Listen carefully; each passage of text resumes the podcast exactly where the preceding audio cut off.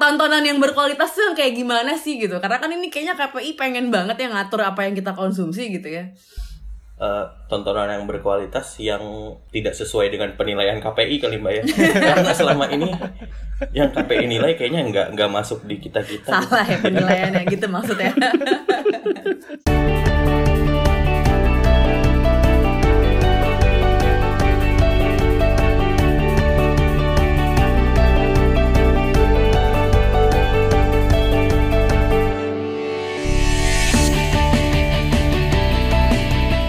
Aduh, kemarin rame-rame ya di TV tuh ada pernikahan akbar uh, YouTube apa bintang YouTube kita nih Mas Atta Halilintar sama Aurel. Mas Azul diundang kayaknya nih ke acaranya Atta sama Aurel. Gue langsung ketawa deh om lo.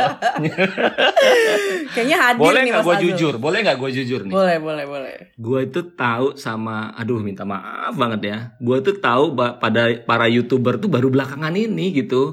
Ada nama-nama yang Lisa sebut gitu ya. Terus yang pengantin perempuannya, gue juga baru nggak terlalu lama lah tahu bahwa dia adalah anak dari eh, apa namanya Penyanyi Krisdayanti ya. gitu ya. Krisdayanti kan Iya, sama Anang ya. Iya. Nah itu juga gue gua telat banget taunya gitu. Jadi dengan segala permintaan maaf gue kepada kedua mempelai ya. Tapi selamat loh, selamat atas Selamat menempuh hidup baru buat Atta Halilintar dan Aurel. Gue agak lega karena Atta nggak pakai bandana kemarin.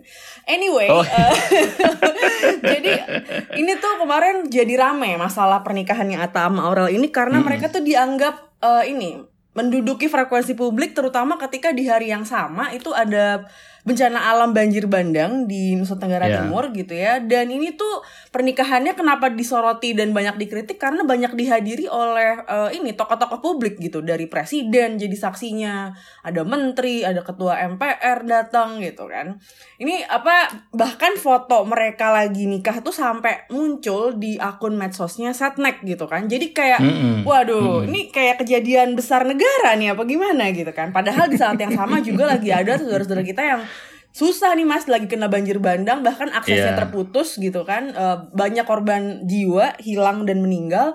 Eh, jadi wajar aja sebenarnya menurut gua ketika publik tuh marah kan kalau loh ini kok ada kejadian ada ban- ada bencana alam gitu ya malah tapi per- tapi frekuensi publik tuh diduduki oleh pernikahannya Atta dan Aurel gitu.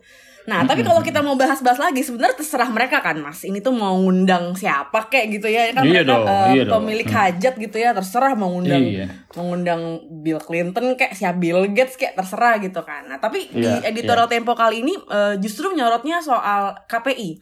Jadi eh, redaksi Tempo mempertanyakan nih kapabilitas KPI karena sepertinya mereka tuh nggak bisa ngapa-ngapain karena semua apa ketika TV nasional tuh jor-joran ya menayangkan pernikahan salep di berjam-jam. Bahkan ini tuh nggak cuman pernikahannya doang kan kemarin tuh pengajiannya ada di TV segala acara prosesinya ya rangkaiannya itu ada di TV gitu kan. Dan ini jadi emang apa ya blocking blocking time itu lumayan gede gitu kan. Iya. Nah ini yang paling heboh sebenarnya eh, karena KPI ini mengeluarkan edaran tentang pelaksanaan siaran selama Ramadan. Nah menurut Tempo ini tuh kebablasan karena beberapa eh, isinya dari eh, edaran tersebut itu ngebahas soal eh, oh ini mau menambah durasi dan frekuensi program bermuatan dakwah gitu kan. Terus eh, mengutamakan dai yang kompeten. Jadi tidak terkait dengan organisasi terlarang dan harus sesuai dengan standar MUI gitu. Terus tidak menampilkan eh, konsumsi makanan dan minuman secara berlebihan dan terutama nih yang bikin rame juga tidak menampilkan muatan LGBT gitu kan.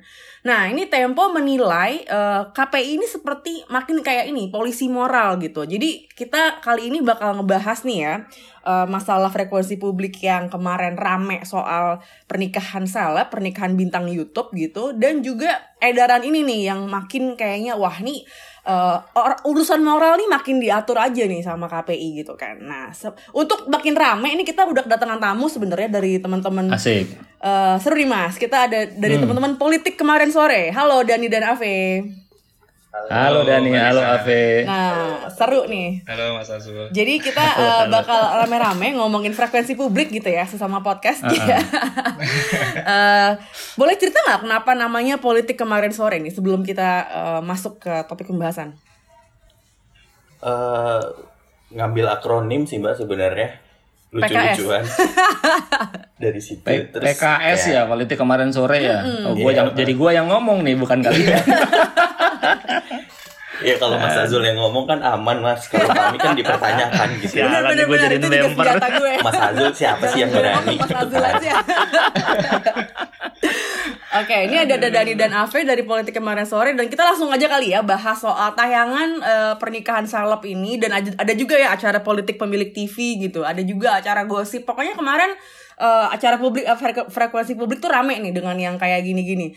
Eh, gimana menurut aku mau nanya pendapat Mas Azul dulu Mas. Eh, kemarin tuh Iya. gimana Mas? Eh, ketika redaksi Tempo memutuskan oh ya udah nih kita menilai ini kebablasan dan juga dikaitkan dengan yang masalah frekuensi publik sama Atta Halilintar itu eh, jadinya nih Iya. KPI perannya tuh jadi sebenarnya lo ngapain sih yang kayak gini lo bolehin tapi masalah eh, LGBT lo nggak bolehin kayak gitu Iya, jadi kita tuh menilai bahwa kan sebetulnya regulasi dan undang-undang itu mengatur bahwa yang namanya frekuensi publik itu harus nggak boleh sewenang-wenang dipakai kan. Iya. Kita tahu yang namanya televisi, televisi swasta yang apa free to air ya, itu menggunakan frekuensi publik. Ini beda loh dengan eh, internet ya. Kalau internet eh, berbasis internet itu dia bukan frekuensi publik tuh gitu. Jadi frekuensi publik itu terbatas, Lisa, Af- eh, Dani dan Ave.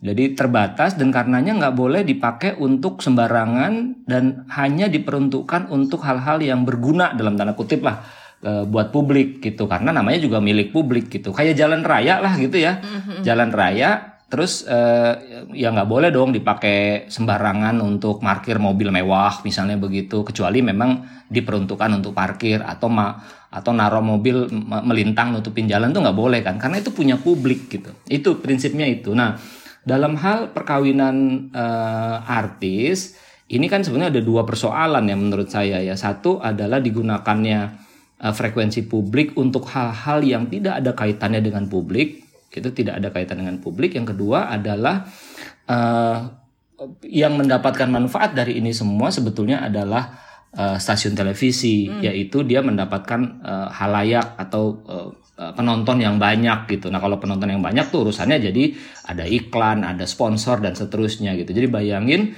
ada sebuah frekuensi publik menyajikan sesuatu yang tidak ada kaitannya dengan publik lalu yang mengambil manfaat adalah eh, siapa? si si stasiun televisi gitu. Ya. Nah, kayak gini kok dibiarin ya? Pertanyaannya kan gitu. Kan KPI ini kan apa namanya eh, re- bukan regulator ya. KPI ini kan eh, lembaga yang diberi wewenang untuk mengatur itu semua, mengawasi gitu ya.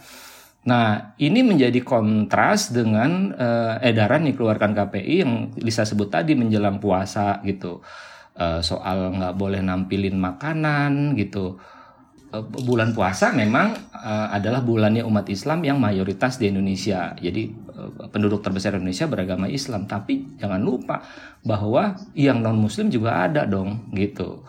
Yang non Muslim juga publik, dia juga mesti dihargai haknya. Nah, yang lain adalah nah ini yang paling problematik ya. Nanti kita bisa bahas panjang nih sama teman-teman dari politik kemarin sore juga soal larangan untuk menampilkan eh, citra tertentu, kegiatan tertentu yang terasosiasi dengan LGBT, ya, LGBT. Nah, ini problematik karena eh, menurut kami di Tempo eh, dia bermasalah secara kategoris gitu, bermasalah secara kategoris. Maksud gue gini, ketika dilarang orang yang berpenampilan laki-laki berpenampilan seperti perempuan atau sebaliknya, terus eh, adegan-adegan yang mungkin menunjukkan eh, transgender begitu, itu dikategorikan sebagai LGBT dan itu nggak boleh Eh, atau di, dianjurkan untuk tidak oleh oleh KPI. Yang pertama adalah LGBT juga publik gitu. LGBT itu betapapun minoritasnya dia publik loh gitu dan eh, dan dan eh, aparatur negara termasuk KPI itu itu berkewajiban menjaga hak-hak publiknya itu tadi gitu. Satu ya itu. Ya. Yang kedua adalah ada problem kategoris ketika dia dia melarang eh, apa pencitra tertentu dari LGBT dia meng- mengabaikan kategori-kategori di dalam kelompok itu sendiri. Bayangin ya kalau LGBT itu dibayangkan sebagai orang yang apa namanya eh, ya lesbian, homoseksual gitu. Kalau di dalam televisi itu bisa ada kategori lain misalnya ada yang kalau pernah dengar cross dressing gitu ya, cross dressing. Cross dressing itu belum tentu ada kaitan dengan LGBT loh. Betul. Pelakunya itu belum tentu gay atau lesbi atau atau homoseksual gitu Iya, Uh, atau atau lesbian nggak ada hubungan tapi dia orang-orang yang merasa bahwa pakaian itu tidak bisa diidentikan dengan jenis kelamin tertentu. Oh ada orang yang begitu. Misalnya apa? Saya mau pakai contoh ya. Gimana kalau uh, satu stasiun televisi menyiarkan uh, film Korea gitu kan? Loh di dalam film Korea semua pemain laki-lakinya tuh pakai lipstick Hmm. hmm. didandanin, mukanya diputihin gitu. Itu belum tentu mereka homoseksual, tapi dia dia apa namanya cross dressing gitu dalam bentuk dalam eh, wujud yang sangat sederhana yaitu pakai lipstick. Tapi ada juga orang yang cross dressing tuh yang eh, kenapa gue nggak nggak boleh pakai eh, rok ya gitu. Padahal gue laki-laki gitu. Gue ngeliat itu nice kok, gue pakai rok gitu. Iya. Sebaliknya juga yang cewek juga gue kepengen eh, pakai jaket kulit gitu. Nggak apa-apa juga gitu. Jadi problem secara kategoris gitu. Nah, bagaimana sebuah lembaga itu bisa membuat satu aturan tertentu yang bisa digugat yang di dalamnya mengandung kelemahan-kelemahan kategoris tadi. Gitu loh kira-kira Lisa. Aku mau nanya ke Ave sama Dani dulu nih. Kalian kemarin nonton nggak pernikahannya Atta dan Aura? Nonton Semoga nih kelihatannya. enggak ya mbak. Gimana gimana? Semoga sih Ave nggak nonton. Oh, semoga Ave nggak nonton. Enggak kok. Enggak enggak ada waktu buat itu. Iya. Gaya. Nah, gimana nih tanggapannya uh, Ave dan Dani terkait eh, editorial Tempo? Setuju dengan dengan Tempo atau mungkin punya pandangannya tersendiri? Udah. Eh, setuju banget sih mbak Eh, sama poin-poin yang dibikin diomongin Mas Azul tadi. Terus kalau ada yang mau ditambahin paling eh, ini sih kayak ini menambah daftar panjang pejabat publik yang nggak ngerti pakai istilah gitu. Hmm. kan tadi diomongin Mas Azul ya kayak eh, sering refer ke laki-laki berdadan perempuan itu kayak LGBTQ atau queer kali ya disebutnya. Tapi kan ya. belum tentu kayak gitu. Ini ya another revolusi industri 4.0 atau milenial istilah yang overuse tapi nggak ada nempel-nempelnya sama sekali sama konteksnya gitu. Kalau kalau gue sendiri sih mungkin em, setuju, cuma mungkin em, yang bisa lebih banyak dieksplor itu memang soal em, jadi sebenarnya KPI ini tugasnya apa gitu dan karena kita itu sampai sekarang itu selalu bilang KPI offside gitu.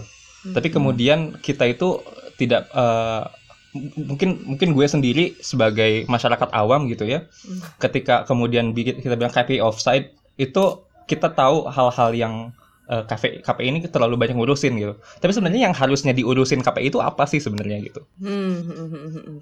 Nah ini kalau eh, kita ngomongin frekuensi publik nggak cuman seleb doang nih yang lagi nikah rame-rame di tayangan ya, tapi ada juga pemilik TV yang juga punya kepentingan politik dan Iya. itu juga dipakai di, di frekuensi publik. Itu gimana Mas Azul?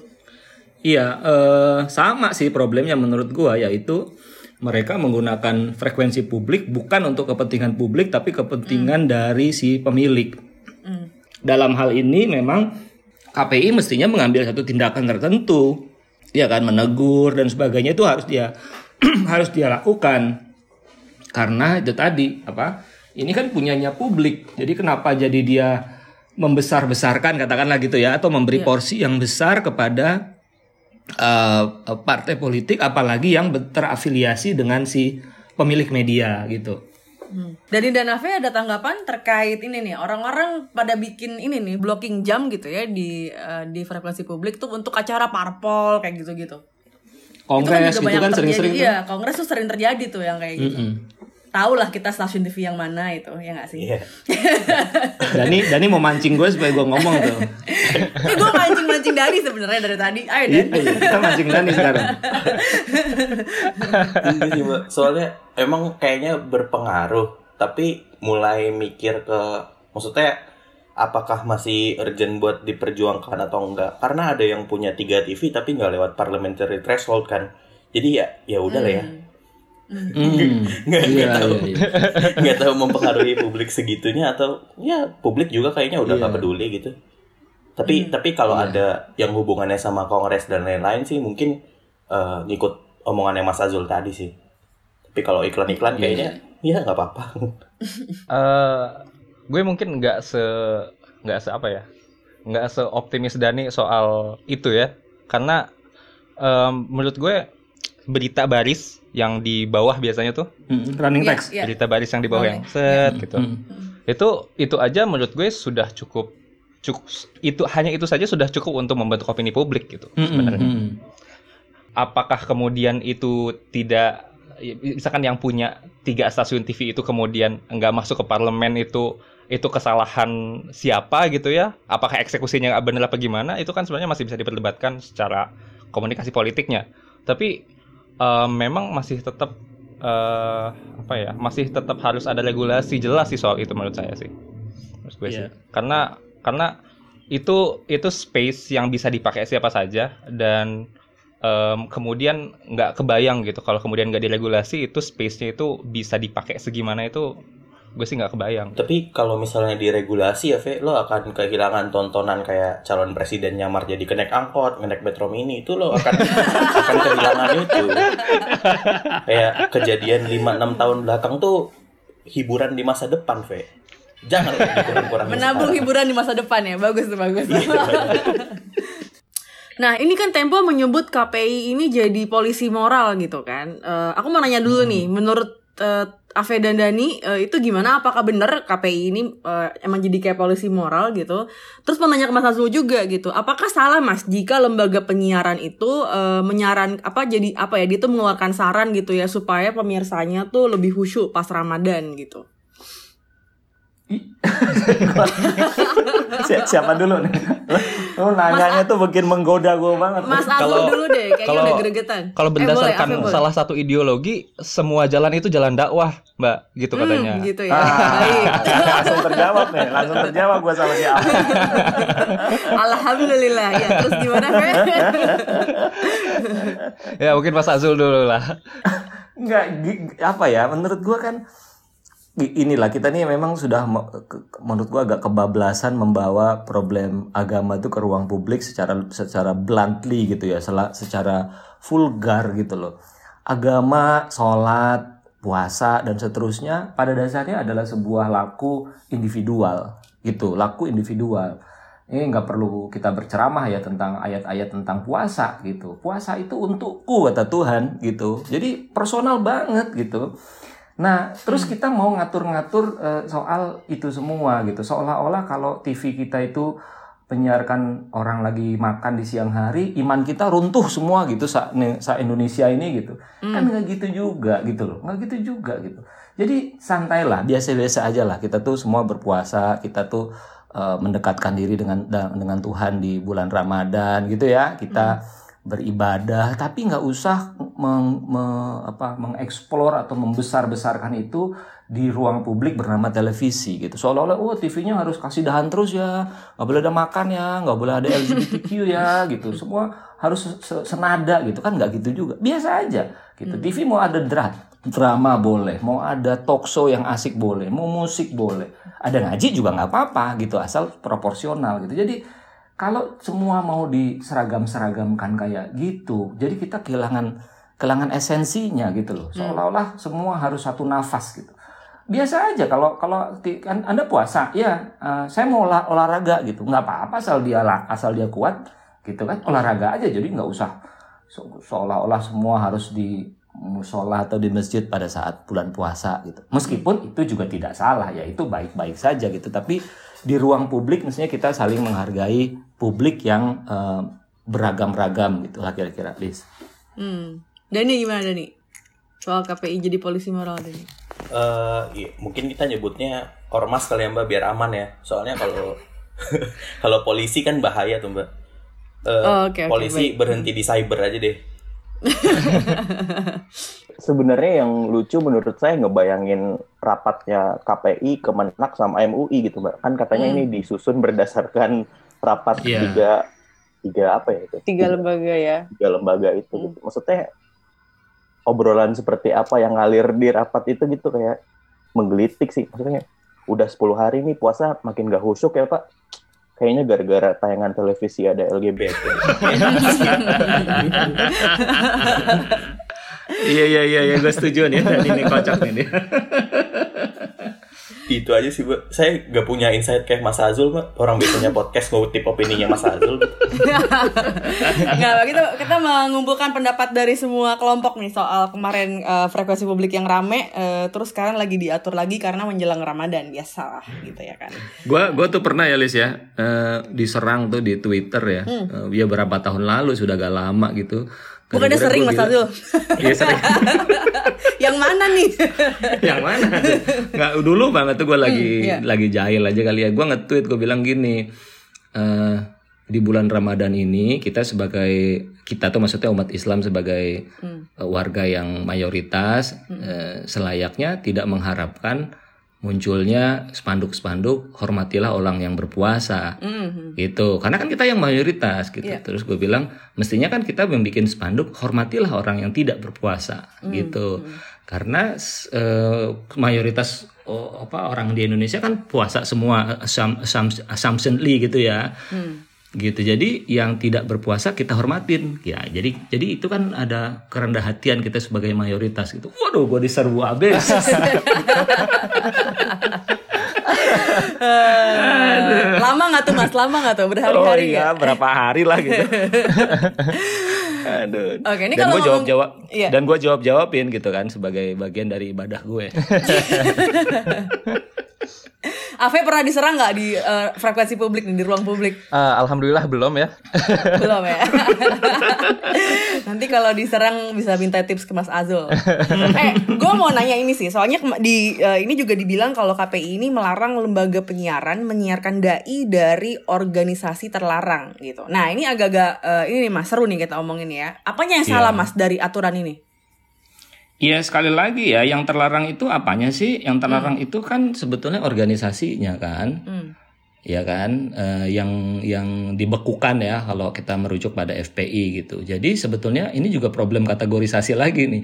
Yang sebetulnya adalah bukan melarang eh, dai dari kelo- organisasi terlarang, tapi melarang atau menganjurkan supaya televisi tidak memberi tempat kepada dai-dai yang mengajarkan Islam sebagai sesuatu yang eksklusif, yang menentang perbedaan, nah gitu loh. Dan Iya, itu iya, bisa datang dari siapa pun loh, ya kan? Dari organisasi terlarang atau tidak dari organisasi terlarang, bisa juga gitu begitu. Nah, yang begitu-begitu tuh yang mestinya eh, eh, eh, lebih cermat ya kawan-kawan kita di KPI gitu. Mhm. Sebenarnya kalau menurut aku sih em, ini kan sebenarnya yang kemudian mem- membentuk kebijakan KPI ini kan komis komisionernya ya, yang kemudian di, Iya, iya. di em, ditunjuknya oleh DPR seperti itu.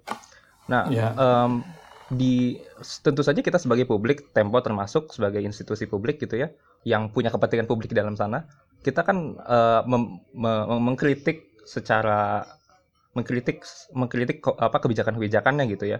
Tapi em, kalau kemudian sudah masuk politik praktis, which is DPR Mhm. itu politik praktis gitu, bukankah akan selalu ada eh, kebijakan-kebijakan yang menge- menge- mementingkan masa atau audiens yang punya kekuatan politik lebih besar gitu, Mas? Apakah apakah ini sebenarnya sebenarnya nggak ada problem dari sisi sistemnya gitu? Ya sebetulnya nggak boleh sih ya. Begitu satu organisasi itu ditunjuk dan di apa dipilih, dia harus lepas dari berbagai kepentingan eh, apa kelompok-kelompok begitu. Ingat bahwa eh, KPI itu organisasi publik mengatur eh, domain publik atau hal-hal yang berkaitan dengan publik termasuk frekuensi publik karena frekuensi publik itu katakanlah dipinjamkan ya bahasa yang paling lugasnya adalah uh, domain atau frekuensi publik itu dipinjamkan kepada para uh, stasiun televisi gitu untuk dimanfaatkan gitu secara untuk nyebarin informasi tapi juga dia bisa mendapatkan keuntungan bisnis atas itu gitu. Jadi itunya dibolehin. Tapi nggak boleh sembarangan lo kayak kasarnya gitu ya. Ini ada jalan gede lo boleh bangun apa mungkin mall atau kios atau apa di pinggir-pinggirnya.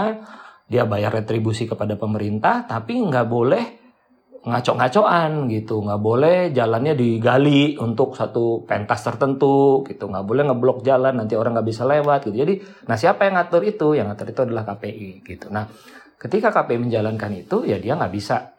Dia harus lepas dari berbagai kepentingan. Kalau nggak dia tidak mewakili kepentingan publik.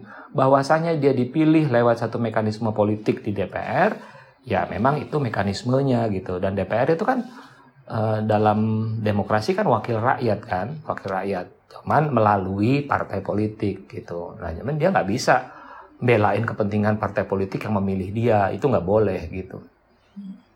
Kalau dari Dani sama Afif sendiri, eh, menurut kalian gimana nih pendapatnya soal larangan penayangan konten ya, baik yang dai dari organisasi terlarang ataupun juga yang LGBT gitu ya. Kalau tadi kan kata Mas Azul, eh, untuk ngomongin LGBT aja itu kategorisasinya mau kayak gimana gitu kan. Kalau kalau kalian sendiri gimana?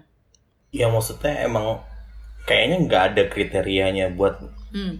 melarang dan membolehkan ustadz ngomong tuh gimana gitu. Maksudnya dai dipisahkan berdasarkan apa gitu. Hmm. Eh, alirannya banyak, yang benar bagi sebagian aliran kayaknya Mm-mm. belum tentu diterima di aliran yang lain. Hmm. Eh, jadi ujung-ujungnya jadi mengistimewakan satu golongan nih kalau dibikin kategorisasinya mana yang boleh mana yang enggak. Kayaknya Iya. gitu sih mbak menurut saya. Dan dan dan gue lihat ya Lis ya dalam dalam pelarangan LGBT itu kan eh, mereka nggak konsisten juga ya di paling nggak dari pemberitaan ya gue lihat ya misalnya ketika ada persoalan oh kalau LGBT nggak boleh berarti eh, apa ludruk tuh yang sering pakai adegan laki-laki jadi perempuan juga nggak boleh dong gitu. Terus ada yang bantah tuh eh, orang KPI di media masa bilang oh kalau itu boleh kok karena itu menyangkut dengan eh, apa namanya kebudayaan gitu. Jadi nggak konsisten kan. Kalau lo mau ngomong itu ya itu berlaku umum. Tapi sekali lagi berlaku umumnya tuh yang yang eh, problematik secara kategoris yang gue bilang tadi gitu. Jadi udahlah ya menurut gue sih eh, ayo kita eh, KPI gitu kita ngajak teman-teman KPI itu untuk masuk ke hal-hal yang substansial lah gitu. Ya itu tadi lo kawinan sampai berjam-jam. Iya. apa sih yang di publik dapatkan dari itu semua gitu? Nggak ada kok nggak ada. Ya kesenangan ya mungkin mungkin oh hebat ya gitu. Tapi kan itu sekali lagi pro- problem juga. Gimana orang miskin memandang misalnya ya kalau kita mau pakai asumsi begitu ya eh, memandang perkawinan yang eh, kelompok yang the have gitu kan. Itu juga itu itu itu masalah menurut gue gitu menurut kita di Tempo. Gitu. Jadi jadi eh, kenapa nggak masuk ke hal-hal seperti itu ya? Eh, Hmm. Dari Nave ada tanggapan? Ya, kalau menurut gue sih kalau terkait sama um, nggak boleh dari organisasi tertentu untuk kemudian jadi apa untuk kemudian ceramah di di TV itu kan jadinya censorship ya maksudnya itu Hmm. semacam Hmm. semacam sudah tidak tidak ada tidak mengikuti dalih dalih dalih apa aspek-aspek freedom of speech gitu di hmm, sisi hmm. lain sebenarnya karena TV itu eh, mencari rating gitu ya karena TV Hmm. itu mencari mencari popularitas mencari akseptabilitas juga dari masyarakat bukankah itu akan Hmm. secara natural aja gitu kalau kalau ada em, kalau ada dai ataupun penceramah yang tidak populer ya pada akhirnya tidak akan tidak akan di apa tuh jadi seleksi alam Iya, gitu seleksi ya alam Hmm. gitu Hmm. jadi Hmm, Jangan gitu, harusnya Fen. Ntar yang ceramah Atta lo diam juga. Oh dia ceramah juga ya ya gue nggak tahu tuh. maksud maksud gue kan kalau kemudian ada satu satu penceramah datang ke TV terus kemudian eh, materinya misalnya kontroversial gitu kan untuk Mm-mm. kedua kalinya diundang lagi kan TV akan mikir-mikir juga gitu kan mereka Iya, juga kemudian yang harus ber ber apa ya bertanggung jawab atas konsekuensi setelahnya gitu Iya. Iya, iya.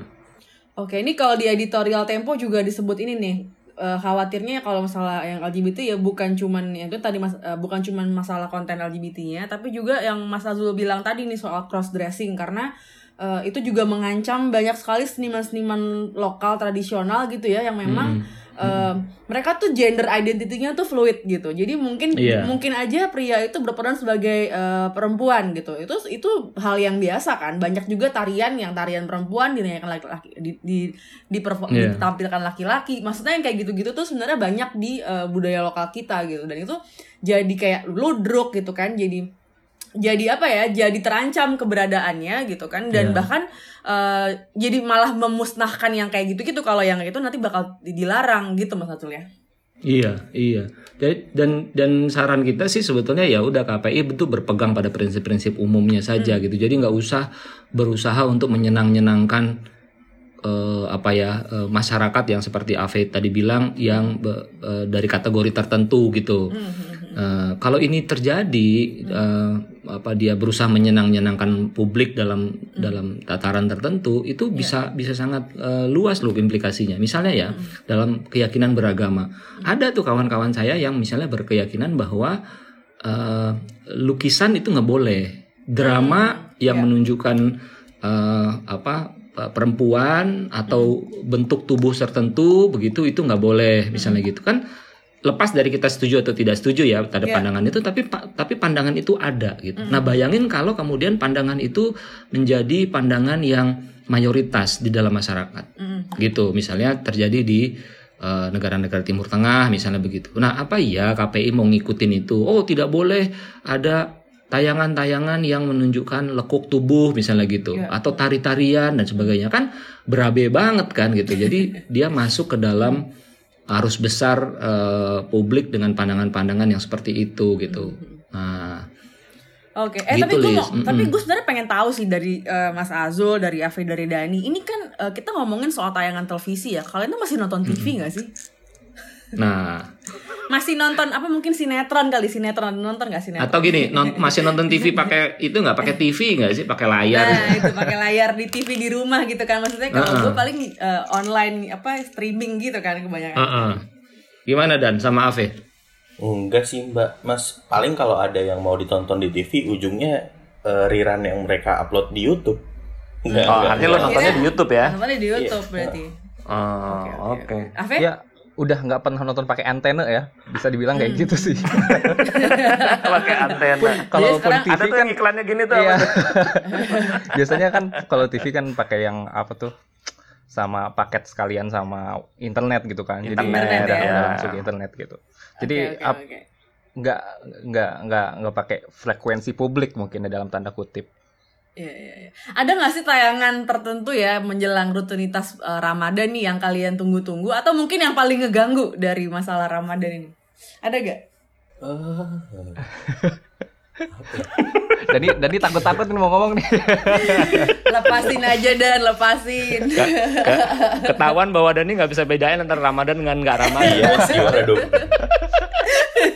Makan siang tetep ya. Oke mungkin ini kayak tontonan yang berkualitas tuh yang kayak gimana sih gitu? Karena kan ini kayaknya KPI pengen banget yang ngatur apa yang kita konsumsi gitu ya. Eh, tontonan yang berkualitas yang tidak sesuai dengan penilaian KPI kali mbak ya karena selama ini yang KPI nilai kayaknya nggak nggak masuk di kita kita Salah ya penilaiannya gitu maksudnya.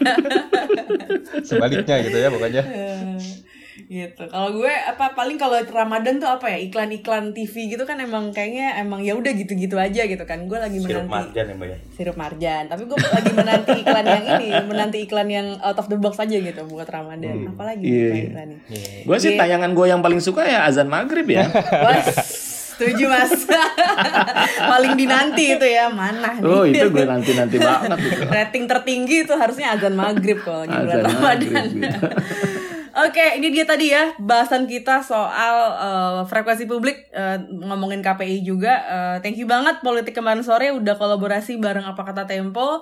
Kalau ada yang mau collab juga bareng kita langsung aja kirim email ke podcast Sekali lagi gue ulang podcast Ini sebelum podcast diatur KPI lah, beruan lah ke sini lah gitu aman kok ada Mas Azul thank you banget Bamperin terus. Bumper terus. Makasih banget nih Dani dan Ave udah gabung dengan gue dan Mas Azul. Kita jumpa lagi minggu depan. Terima kasih. Dadah. Dadah. bye ya